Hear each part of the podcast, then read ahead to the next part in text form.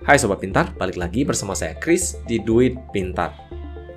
Jadi ketika Bitcoin ini muncul di dunia ini, jadi setelah dia lahir, adopsi dari Bitcoin ini tidak banyak diadopsi oleh orang pada awamnya. Jadi Bitcoin pada umumnya hanya diadopsi oleh tech enthusiast saja, yaitu orang-orang yang mengerti soal teknologi.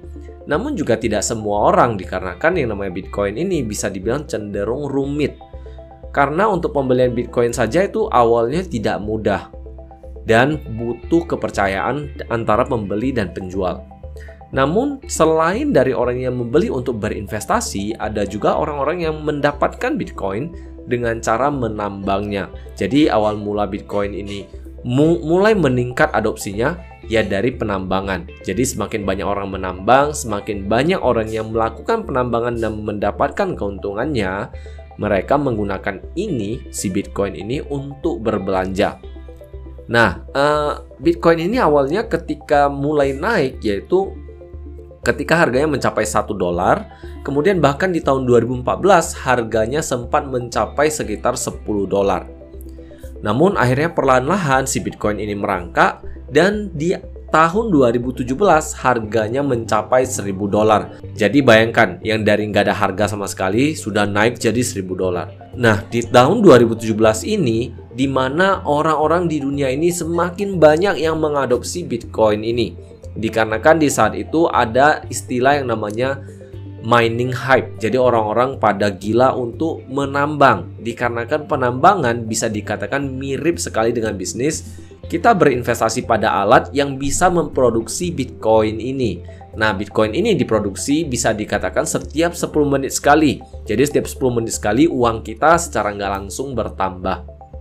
Ini yang membuat banyak sekali orang-orang di Indonesia dan di dunia berbondong-bondong untuk memborong yang namanya graphic card atau GPU. Nah, GPU pada umumnya dipakai untuk graphic design, digunakan untuk 3D design, kemudian digunakan untuk edit video, dan juga ada sebagian yang menggunakan untuk AI, dan yang paling penting, lebih banyak orang menggunakannya untuk bermain game. Namun dikarenakan mining craze yang terjadi di tahun 2017, seluruh dunia mengalami kesulitan untuk mendapatkan yang namanya graphic card ini bahkan gila-gilaan. Bahkan ada sekali saya ketika bertanya kepada salah satu toko online, mereka mengatakan bahwa grafikan mereka baru saja diborong oleh satu orang yang berada di Surabaya waktu itu, yang mana beliau memborong sekitar 200 unit dari grafik card itu.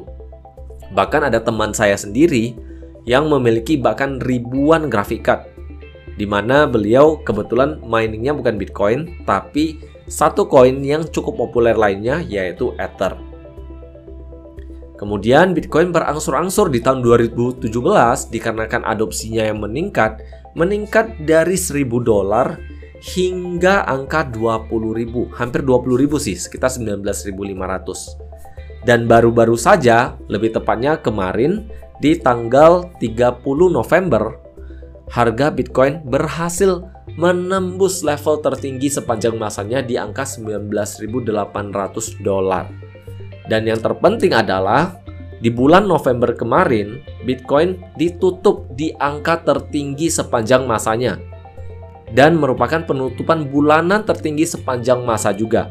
Sehingga ini membuat banyak pelaku pasar yang optimis bahwa tahun depan Bitcoin berkemungkinan besar untuk mencapai angka 100 ribu sebagaimana diprediksi oleh banyak analis di dunia ini.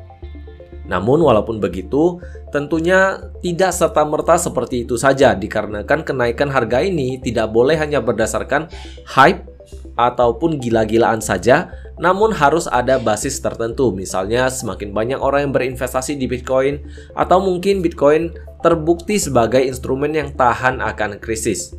Namun kita masih belum tahu apakah Bitcoin akan berlanjut ataupun akan bertahan di kondisi saat ini Dikarenakan apabila Bitcoin bisa bertahan melewati situasi krisis saat ini, maka bisa dibilang Bitcoin adalah aset yang aman untuk diinvestasikan untuk jangka panjang.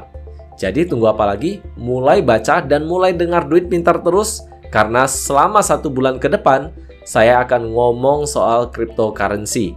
Mudah-mudahan mata uang kripto yang saya bagikan bisa membuat sobat pintar semakin melek terhadap mata uang kripto. That's all for today. Thank you and have a great day.